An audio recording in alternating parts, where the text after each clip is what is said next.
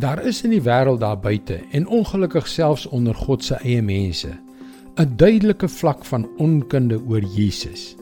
Wie hy volgens die woord van God is, wat hy vir die mense geleer het en wat hy gedoen het. Hallo, ek is Jockey Gouchee vir Bernie Diamond. En welkom weer by Vars.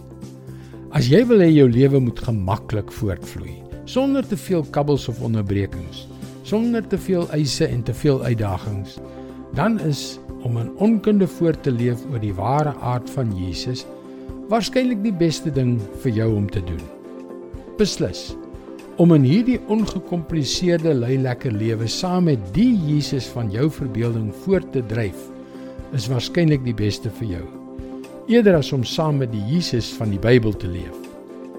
Totdat daardie hele illusie eendag om jou in duie stort. Want glo my, een of ander tyd sal dit op een of ander stadium sal die gemeenheid van hierdie wêreld of jou eie sonde of meer waarskynlik albei saam 'n knippel in jou hoenderhok gooi en dan sal die vere behoorlik waai. Matteus 4 vers 12, 13 en 17.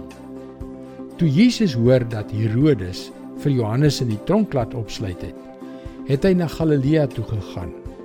Hy het nie in Nasaret gaan bly nie, maar hom gaan vestig in Kapernaum by die see in die gebied van Sebulon en Naftali. Van toe af het Jesus begin preek en gesê: Bekeer julle want die koninkryk van die hemel het naby gekom. Maar weet jy, wanneer daardie hele proses van bekering om weg te draai van die dinge wat jy weet verkeerd is en om uit jou plek van veiligheid te kom, wanneer teëspoed soos Johannes in Jesus se tyd gearresteer is, jou tref, gaan dit beslis die knippel in jou hoenderhok gooi. Wees gewaarsku. Die lewe gaan nie verloop soos jy beplan het dat dit gemaklik sal voortvloei nie.